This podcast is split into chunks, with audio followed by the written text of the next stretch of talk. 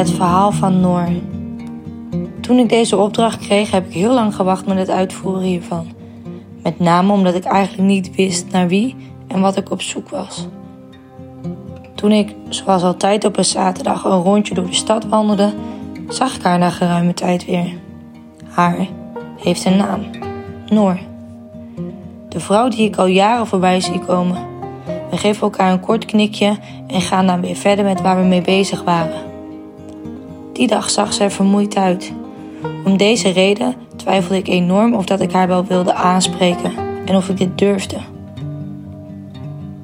Toen ik haar uit het zicht was verloren, had ik meteen spijt. Want wat als ik haar niet meer tegenkom? Ik had haar immers een tijd al niet meer gezien.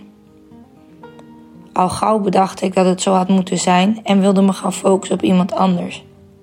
Op de een of andere manier bleef het toch aan me knagen. Uiteindelijk besloot ik het via social media te proberen. Instagram. Ze zeggen niet voor niets dat vrouwen alles kunnen vinden op social media.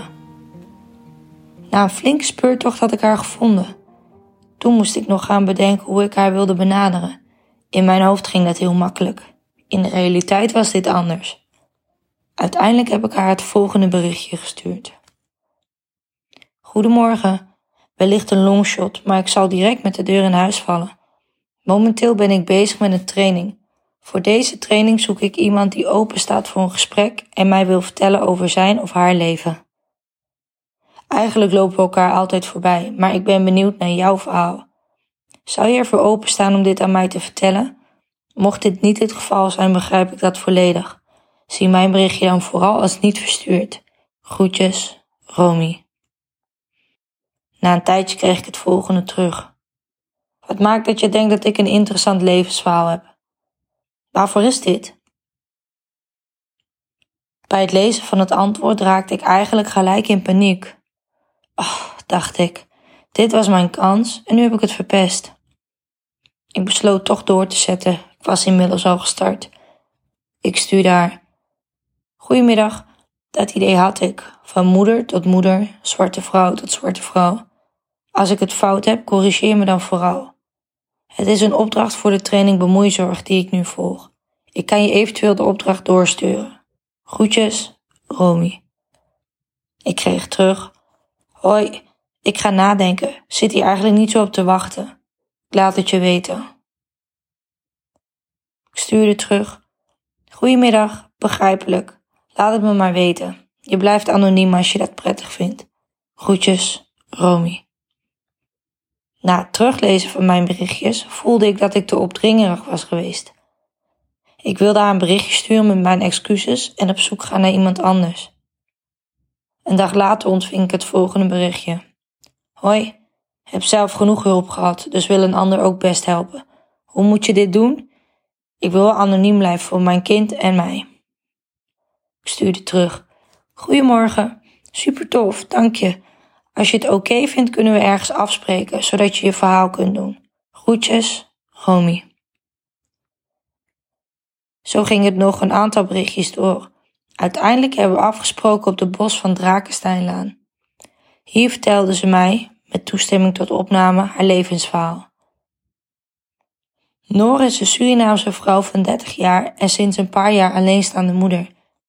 Noor is de oudste van twee kinderen. Ze heeft namelijk ook een broertje. Momenteel woont zij samen met haar dochter in Utrecht. Als ik vraag hoe haar jeugd was, is haar eerste antwoord onveilig en vol met spanningen. Als ik doorvraag, vertelt ze een gewelddadige vader te hebben die er alles aan deed om haar moeder van het leven te beroven. Ze vertelt dat ze al op jongere leeftijd veel traumatische ervaringen heeft meegemaakt.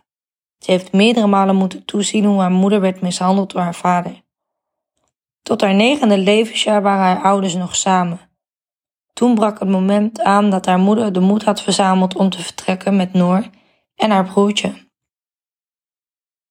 Noor vertelt hebben gedacht dat hiermee de rust was teruggekeerd, maar niets bleek minder waar. Eenmaal met zijn drieën begon haar moeder met het mishandelen van Noor zelf. Wat begon met de corrigerende tik sloeg al gauw om mishandeling. Ze vertelde dat haar moeder haar aanviel, een bloedneus sloeg of haar in elkaar timmerde.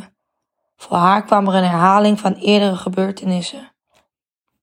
Noor vertelt door deze trauma's in haar puberteit te zijn gestart met dempende middelen. Jarenlang heeft ze wiet en hash gerookt om de pijn die ze voelde te onderdrukken. Ze benoemt dat ze de trauma's nog wel op andere manieren tegenkomt. Ze vertelt voor foute mannen te vallen en heeft constant de behoefte aan spanning. Als ik zeg dat ik haar in verleden tijd hoor praten over het gebruik van drugs, vertelt ze trots een jaar geleden, om exact te zijn 8 juli 2021, gestopt te zijn met de dempende middelen. Gevoelsmatig was ze klaar om door de donkere tunnel te gaan. Voor haar was het dan ook tijd voor therapie. Ik geef haar een complimentje en ze lacht onzeker. Als ik vraag wat voor haar een kantelmoment is, vertelt zij iemand te hebben ontmoet tijdens een barbecue. Diegene was ook verslaafd. Toen hij uiteindelijk in detox ging, besloot ze dat het voor haar ook klaar was. Ze wilde graag een gezond gezin vormen met hem en de kinderen. Noor vertelt ook dakloos te zijn geweest. Dit mede door alles wat zij thuis heeft meegemaakt. Op haar zeventiende is ze weggelopen en bij jeugdzorg terechtgekomen. School had namelijk een melding gemaakt. Op haar achttiende werd haar een kamer toegewezen. Van BGA Plus. Dit was begeleid wonen. Na drie maanden was ze hier klaar mee en ging samenwonen met haar toenmalige vriendje. Samen huurde zij via onderhuur een huis van haar oom. Tijdens het samenwonen en in de relatie was Noor agressief en wantrouwend naar haar vriend toe. Dit zorgde ervoor dat zij uit elkaar gingen. Noor bleef toen in de woning achter. Na een aantal maanden bleek dat haar oom de huur niet betaalde. Dit terwijl zij iedere maand netjes de huur naar hem over heeft gemaakt. Hierdoor is zij uiteindelijk op straat gezet. Ze vertelt vanaf toen slechte relaties te hebben gehad en vooral op de bank heeft geslapen bij vrienden en vriendinnen. Dit heeft zij drie jaar lang volgehouden. Toen zij suïcidale gedachten kreeg, besloot ze dat het anders moest. Lachend zegt ze dat dit ook een kantelmoment was voor haar. Ik complimenteer haar nogmaals. Noor heeft hulp gezocht en is toen gestart met het OEPS-traject. Hier heeft zij een studio aangeboden gekregen. Zij heeft hier een aantal jaar gewoond en haar dochter daar gekregen. Inmiddels woont Noor samen met haar dochter in een appartement en heeft twee bedrijfjes aan huis. Als laatste vraag ik Noor wat ze van deze gebeurtenissen heeft geleerd. Ze vertelt vooral te hebben geleerd om op haarzelf te vertrouwen. Op mijn vraag wat anderen hiervan kunnen leren, zegt ze dat iedereen zichzelf moet durven vertrouwen en dat er altijd licht is aan het einde van de tunnel. Samen hebben we uiteindelijk zo'n drie uur gezeten.